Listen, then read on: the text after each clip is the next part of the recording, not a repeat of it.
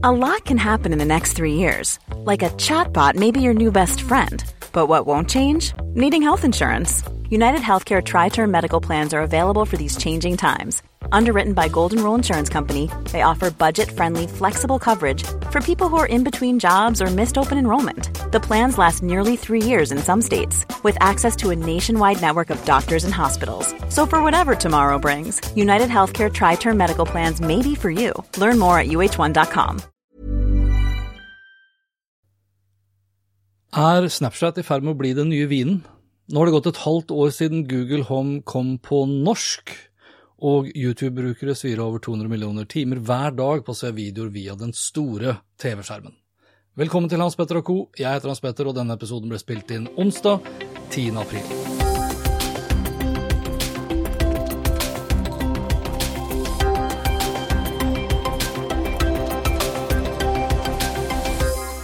Nå har det altså gått et halvt år siden Google Home kom på norsk, eh, siden vi kunne snakke med Google Assistant på norsk. Google Home ble spådd å bli fjorårets julegave, men så ble det egentlig ganske så stille. Kanskje ikke det var så mange som kjøpte den, kanskje ikke det er så mange som bruker den. Og da spør jeg hvor vi står i dag med Google Home, og hvordan utviklingen vil se ut fremover for de stemmebaserte assistentene. Men først skal vi ta litt om disse sakene her.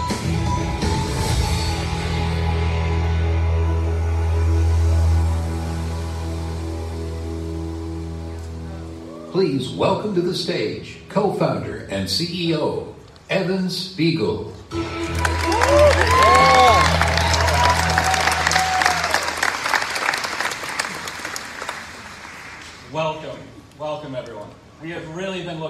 Snapchat eh, arrangerte for første gang Snapchat Partner Summit, som ble anført av sjefen selv, Even Spiegel, og her ble det lansert en rekke nye spill, morsomme filter og linser, og ti nye Snap-serier, blant annet.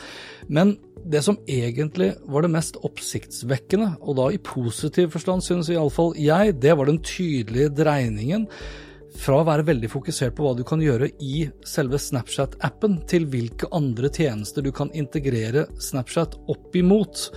For med AdKit, som ble lansert, så kan utviklere nå integrere Snap Audience Network, altså tilsvarende da Facebook Audience Network, til sine egne apper og plattformer. Og fremover så skal du også kunne dele stories fra Snapchat til andre apper, som bl.a. Houseparty og Adventure Aid. Eh, I begge tilfeller ikke så store tjenester her i Norge, men også da til Tinder, som er forholdsvis stor i Norge. Og når det skal sies, så sliter jo Snapchat, eller Snap, med å vokse i antall brukere, men nå er det mye som tyder på at de tenker mye riktig omkring det å få brukerne til å bli lengre, til å bruke tjenesten lengre. Bruke mer tid inni appen, men også bruke Snapchat sine innovative løsninger via andre tjenester, og det kan, med tanke på hvor Facebook f.eks. står om dagen, føre til at nye brukere også vil komme til Snapchat. Om det er de små nye spillene eller de nye linsene som vil spille en viktig rolle eller ikke, skal ikke jeg spå bombastisk om, men jeg er nok mer tilbøyelig til å tro at mye av fremtiden til Snap ligger i annonseplattformen, og ikke minst i det å integrere Snap inn i øvrige plattformer og apper som allerede er svært populære.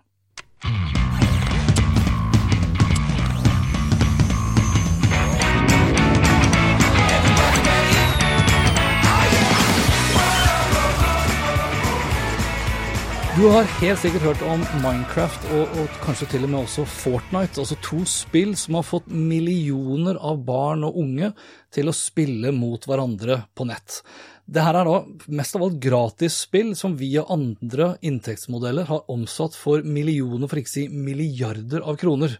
Og her hjemme er spillene for lengst blitt overtatt av et annet spill som heter Roblox. Og Gustav, min sønn som snart er 13 år, han har spilt det her i lang tid allerede, og sier den dag i dag at det er hans prefererte spill fremfor da nevnte Minecraft og Fortnite. Og han er ikke aleine om å spille Roblox heller. Bare siden i fjor høst så har 20 millioner nye spillere kommet til, og nå har da Roblox over 90 millioner aktive spillere hver måned. Og det verdsetter spillet til 2,5 milliarder dollar. For øvrig det samme beløpet som Microsoft betalte for Minecraft for nå snart fem år siden. Suksessen bak Roblox er ikke bare å være et spill, men en plattform bestående av spill. Men også en plattform som fungerer nærmest som et sosialt nettverk, hvor fokuset på trygge samtaler og, og hva heter det, network safety osv. står veldig sterkt. Og Her kan da barn og unge henge hvis du vil, og chatte med andre, selv om de da ikke spiller sjøl. Spillene man kan spille i Roblox er utviklet av tredjepartsaktører som får betalt for bl.a. salg av virtuelle varer som da spillerne kjøper. Og Det er heller ikke småtteri som blir utbetalt her heller. Med stor sannsynlighet så kommer Roblox til å utbetale i størrelsesorden 100 millioner dollar i 2019 opp fra 60 millioner i 2018 og 30 millioner i 2017. Hvor kommer denne veksten fra? Altså, hvor kommer de 20 nye millioner spillerne fra? Har du og jeg sett reklame for Roblox? Jeg tror egentlig ikke det, for det er ikke tradisjonell reklame som driver antallet spillere her, men spillerne selv så anbefaler Roblox videre, og ikke minst også fra YouTube, hvor de unge sitter og ser på andre som spiller Roblox. Og speaking of YouTube, i september i fjor så skrev The Guardian at TV-skjermen er den raskest voksende plattformen for YouTube, med en europeisk vekst på over 45% år over år. Og nå melder Digiday i UK at YouTube-brukere svir av ikke mindre enn 200 millioner timer hver dag for å se på videoer via den store TV-skjermen. I Norge så, så vi for kort tid siden også at YouTube er blitt langt mer populær blant de yngste enn f.eks. NRK Super, og ifølge Kantar Media sin undersøkelse Mediebarn og medieungdom for 2018 så ser nesten åtte av ti barn mellom 10 og 17 år på YouTube daglig, noe som gjør YouTube til den aller mest populære strømmetjenesten blant de yngre. Og Nå varsler altså da YouTube at de vil satse mer mot TV-annonsørene for å få dem til å flytte sine reklamekroner fra de lineære, tradisjonelle TV-kanalene og over på YouTube. TV-skjermen er i ferd med å bli en sentral del av YouTubes annonsesatsing, noe som har ført til at de også har valgt å skille ut YouTubes TV-inventar for annonsører for første gang. Og som en liten fun fact, eller en anekdotisk innsikt fra min egen YouTube-kanal, så opplever jeg også en ganske fin vekst av seere som følger Teknologi i kjelleren-serien min fra den store TV-skjermen.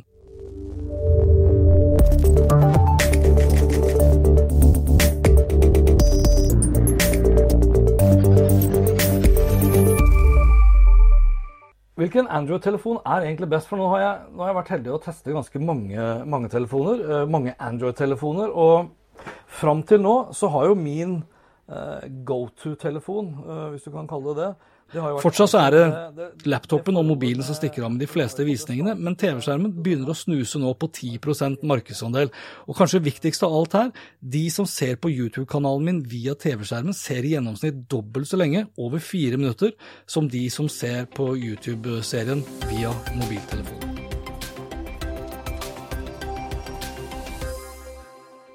Før jeg setter i gang med neste segment, her, så kan jeg jo bare advare dere mot at det kommer til å handle om Google Home. Og har du Google Home-høyttaler hjemme, der du sitter og hører på nå, så kan det være greit å sette på mute før du hører videre.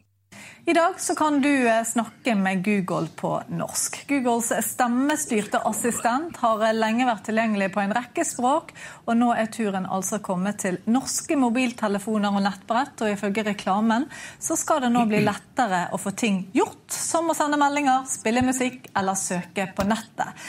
Men som vi vet, det vil alltid være rom for eh, misforståelser. Og på plass i studio, Hans Petter Nygaard Hansen, du er teknologiekspert. Og du har nå testet eh, Google Assistent. Og hvordan fungerer det? Eh, så som så. altså det, er, det, er, overraskende bra eh, tatt i betraktning at vi har en, en flora av dialekter. Vi har ordforkortelser, vi setter sammen ord osv. Så, videre. så han forstår ganske godt, men det er fortsatt det er fortsatt et stykke igjen før vi liksom er der hvor vi kan stole på at den alltid fungerer. Mm. Så Stiller du et spørsmål, så, man, så, lurer man litt på kommer den til å svare liksom riktig, eller hva, hva skjer nå? egentlig? Men hva er, den, er, det den kan gjøre? Det du hørte her, det var eh, jeg som var gjest hos TV 2 Nyhetskanalen 11.9.2018 for å snakke bl.a. om Google Assistant, som da dukket opp på norsk. Og En knapp måned senere, altså da i oktober, så ble også Google Home-høyttalerne tilgjengelig på norsk i det norske markedet. Og alt fra retail-kjeder til elektronikkforeninger spådde at Google Home ville bli årets julegave. Og så ble det egentlig ganske stille. Ble det stille fordi det ikke var så mange som kjøpte Google Home som man kanskje hadde trodd. Også ifølge Kantar Media så er det i dag godt under 10% av den norske befolkningen som har en smarthøyttaler, og det er kun 4% som har en Google Home-høyttaler. Og det er kanskje like greit på én måte, for Google Home har fryktelig mye å gå på før den fungerer godt nok til at alle kan bruke den. Enn så lenge så føler jeg at vi er nærmere Rema 1000 sin smarthøyttaleropplevelse, hvis de som for de som husker den reklamen, enn det vi er f.eks. av Telenor sin visjon, som også kom i form av en reklamekampanje om smarthøyttalere som et velferdsprodukt, bl.a. for eldre. Og det som slår meg mest av alt, er på mange måter hvor mye dårligere Google Home-høyttaleren har blitt siden lanseringen kom på norsk. Altså, jeg kjøpte min første Google Home-høyttaler tilbake i 2017, og kort tid senere så dukka det også opp en Google Home Mini i, i postkassa mi. og Året etter det så kjøpte jeg også da den store høyttaleren, Google Home Max, etterfulgt av en Google Home Hub, som i tillegg til å være en smarthøyttaler også har egen skjerm og fungerer både som et slags digitalt fotoalbum, og kan også da strømme video fra YouTube eller fra TV2 Sumo eller Netflix eller andre tjenester via din smarttelefon. I dag er alt fra badet vårt, soverommene våre, kjøkkenet vårt og kontoret mitt utstyrt med Google Home-høyttalere, men de blir i økende grad ikke brukt til så veldig mye mer enn som en vanlig høyttaler. Og da mest av alt som en høyttaler hvor musikken blir strømmet fra en av smarttelefonene våre. Og årsaken til det er egentlig ganske enkel, for Google Home skjønner i mindre og mindre grad norsk. er i hvert fall min opplevelse. Og den lever i Here's a cool fact. A crocodile can't stick out its tongue. Another cool fact, you can get short-term health insurance for a month or just under a year in some states. United Healthcare short term insurance plans are designed for people who are between jobs, coming off their parents' plan, or turning a side hustle into a full time gig. Underwritten by Golden Rule Insurance Company, they offer flexible, budget friendly coverage with access to a nationwide network of doctors and hospitals. Get more cool facts about United Healthcare short term plans at uh1.com. My business used to be weighed down by the complexities of in person payments. Then, Tap to Pay on iPhone and Stripe came along and changed everything. With Tap to Pay on iPhone and Stripe, I streamline my payment process effortlessly. Now I can accept in person, contactless payments right from my iPhone. No extra hardware required. What's truly remarkable is how I can cater to all of my customers' payment preferences. Whether they're using cards, Apple Pay, or other digital wallets, Tap to Pay on iPhone and Stripe ensure a smooth checkout experience every time. And it's not just me. Stripe helps businesses of all sizes, from local markets to global retailers, scale quickly and stay agile. To learn how Tap to Pay on iPhone and Stripe can help grow your revenue and reach, visit stripe.com/tapiphone. Økende grad sitt eget liv. Altså, vi har gitt opp å, å si hei, G-O-O-G-L-E, for eksempel, for det, det funker ikke. Eh, OKG f.eks., det fungerer noe bedre.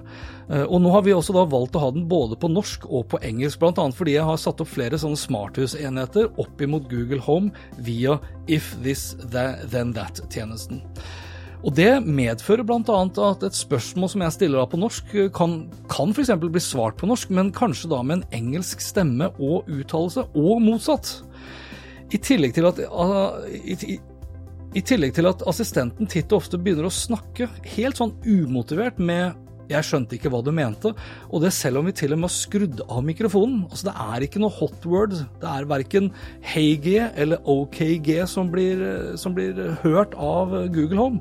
Og selv barna som, som gledet seg over den Google Home mini-høyttaleren de fikk i, i julegave, de har også mer eller mindre gitt opp å bruke den, fordi som de sier, det funker så altfor dårlig. Jeg må snakke og spørre gang på gang før jeg får noe særlig fornuftig svar tilbake.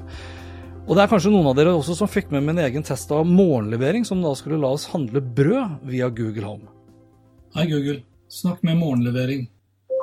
Hei sann, jeg heter Henrik og er baker hos Morgenlevering. Hos meg kan du bestille dine favoritter og få de levert hjem til din dørmatte. Ønsker du å bestille? Ja takk. Jeg forstår fortsatt ikke dersom du prøver å bestille, så husk også kun et produkt av gangen. Jeg vil bestille. Flott, du er nå logget inn, skal vi fortsette med bestillingen? Ja. Flott, du er nå logget inn, skal vi fortsette med bestillingen? Ja. Flott, du er nå logget inn, skal vi fortsette med bestillingen? Ja. Flott, du er nå logget inn. Skal vi fortsette med bestillingen? Ja, jeg vil fortsette med bestillingen. Det skjønte jeg ikke, kan du si det igjen? Jeg vil fortsette med bestillingen. Jeg forstår fortsatt ikke. Dersom du prøver å bestille, så husk også kun et produkt av gangen. Bakemesterens speltbrød med havre. Jeg forstår fortsatt ikke. Dersom du prøver å bestille, så husk også kun et produkt av gangen. Jeg vil bestille et brød. Her er en kort intro. Først må du lage deg en konto på morgenlevering.no. Legg inn en bestilling og merke bestillingen din som favoritt under ordre. Nå vet ikke jeg hvordan det står til med morgenleverings uh, antall Google Home-bestillinger av brød. Uh, jeg har gitt opp, og det har kanskje mediene også. For det, er, det ser i hvert fall ut til at mediene har mista litt interesse for Google Home. Også det revolusjonerende nye produktet og nye tjenesten som skulle erstatte på mange måter hvordan vi brukte oss av internett og internettjenester. Altså Ifølge analysen til Retriever, og Retriever overvåker bl.a. av det norske mediemarkedet, så ble det skrevet nesten 120 artikler i oktober 2018 som inneholdt Google Home. Samme måned som da Google Home kom på norsk. Men i mars i år så har det antallet artikler falt da til kun 27, og det er på nivå med fjorårets sommermåneder. Tror jeg det her betyr at det ikke er noe fremtid for Google Home og stemmestyrte assistenter? Nei, på ingen som helst måte, men jeg tror det er ganske langt frem, og mye lengre frem enn det jeg kanskje først antok eller håpet på, at det her skal bli et produkt som alle norske hjem har. Jeg tror det er langt frem før halvparten av alle søk f.eks. For blir foretatt med stemmen vår. Altså Comscore anslår at vi allerede i 2020 kommer til å søke like mye med stemmen vår som med tastaturet vårt, eller med fingrene våre. Og det kommer definitivt ikke til å skje her til lands før Google Home fungerer mye, mye bedre enn det det gjør nå i dag. Altså Er nivået på Google Assistant så lavt fordi det kun er 4% av oss som har en Google Home-høyttaler? At ikke vi får brukt det nok? Er det fordi vi ikke snakker nok som gjør at maskinlæringen ikke tar opp uh, ordene våre, dialektene våre, ordsammenstilling og orddeling osv. Altså, hvorfor har f.eks. ikke Google lansert Google Home Max-høyttaleren i Norge, eller Google Home Hub? Er det Google som har overvurdert teknologien, og som trenger mer tid for å få den til å, å, fungere? Eller har vi alle sammen vært med på å overvurdere teknologien, noe som vi ofte har en tendens til å gjøre? Altså På sikt så er jeg for øvrig overbevist om at stemmen vår vil ta stadig mer av den tiden vi er online, og at stemmen på mange måter vil bli den nye fjernkontrollen, hvis du vil, til internett. Det er helt åpenbart at det er ganske langt fremme, og kanskje mye lenger enn det de mest optimistiske av oss trodde. Men når det kommer til hva vi har i vente, så tror jeg det er ganske mye spennende utvikling som vi kan glede oss til. Annet eh, dette med personalisert respons og kontekstualisert forståelse. Altså at eh, vi kan stille oppfølgende spørsmål, bl.a., som vi har fått til nå. At eh, den kontekstualiserte forståelsen vil basere seg på hvilken dag, når på døgnet, hvilket rom er det du er i når du stiller det spørsmålet til Google. At det blir forskjell f.eks. For når du hvisker til Google fordi du er på soverommet og, og sidemannen i senga ligger og sover, så vil også Google kunne hviske tilbake. Eh, jeg tror også mye større grad at opplevelsen vil bli enda mer individualisert. Også i dag har vi satt opp kontoer til meg, min kone og mine barn, og det vil også selvfølgelig også bidra til at opplevelsen i økende grad også blir individualisert og personalisert. At uh, når jeg ber om kul musikk, så blir det basert på, på, hva jeg definerer og hva jeg typisk hører på av kul musikk. At tjenestene jeg blir tilbudt og foreslått, tilpasses meg og min, min person og mine interesser, oppimot da f.eks. min egen kone eller barn. Jeg tror også på mye mer kunstig intelligens, eh, bl.a. kunstig intelligensbaserte spillelister, som igjen bruker den dataen som de får fra meg til å tilpasse musikken, kanskje i retning av hvordan YouTube Music allerede nå fungerer, ved at eh, spillelister vil bli laget basert på, igjen, når på dagen er det snakk om, i hvilken hastighet beveger du deg, er du ute og går, er du ute og løper, sitter du på T-banen, regner det ute, er det kaldt ute, er det snø, osv. Og så tror jeg nok i økende grad at uh, smarte assistenter ikke i fremtiden kommer til å være begrensa så mye som det er nå i dag, til smarttelefoner og høyttalere, men at stort sett det som kryper og går av produkter som på et eller annet sett og vis vil bli tilkoblet internett, vil kanskje inneholde en høyttaler og en mikrofon.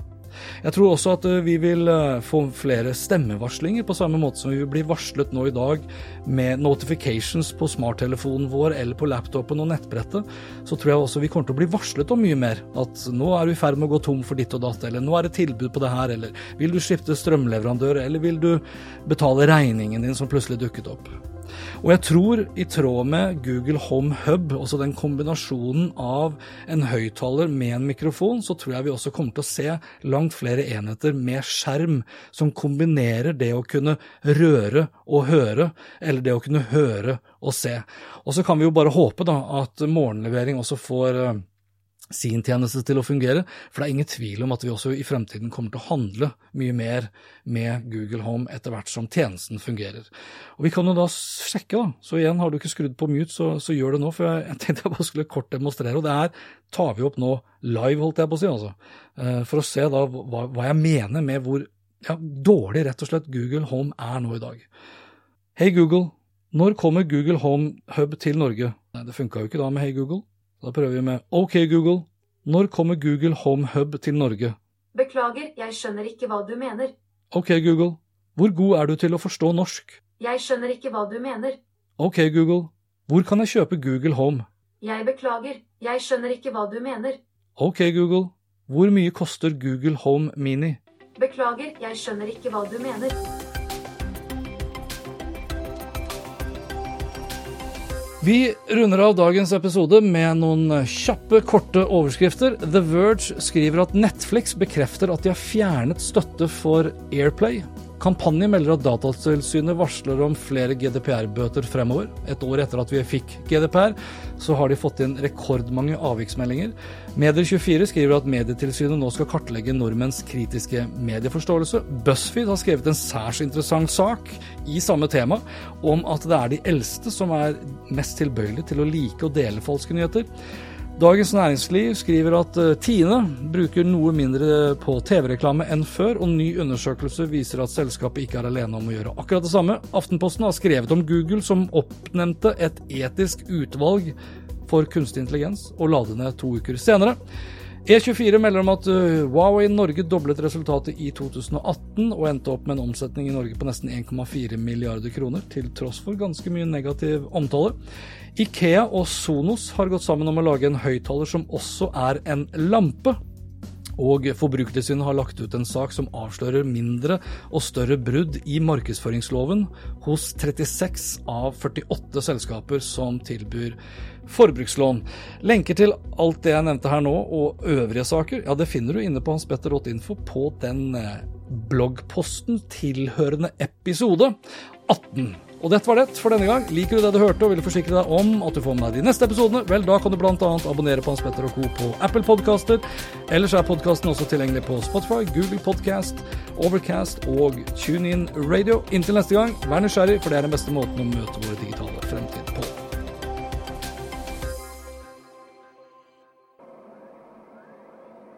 Open the pod bay doors, Hal. Hello, Hal, do you read me? Hey, Google, open the pod bay doors.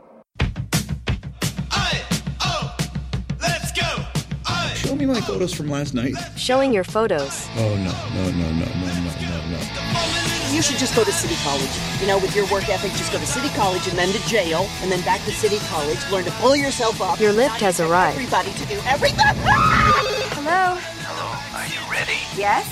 What door am I at? Patio door. Police are on their way. See ya. Show me the money. Here you go.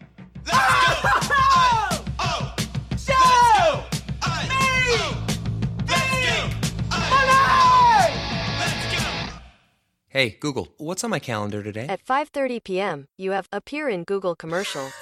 That's never going to happen. Mm-mm.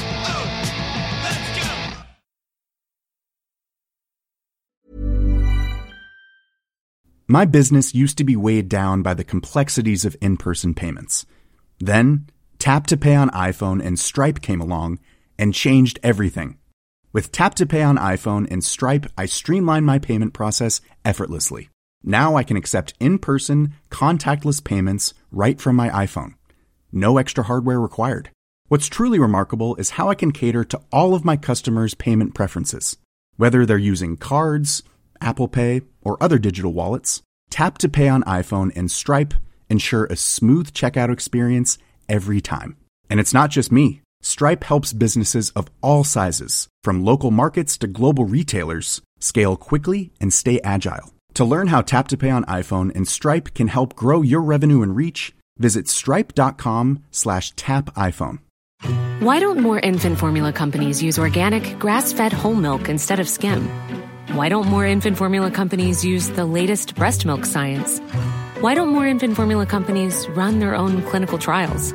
Why don't more infant formula companies use more of the proteins found in breast milk? Why don't more infant formula companies have their own factories instead of outsourcing their manufacturing? We wondered the same thing. So we made ByHeart, a better formula for formula. Learn more at byheart.com.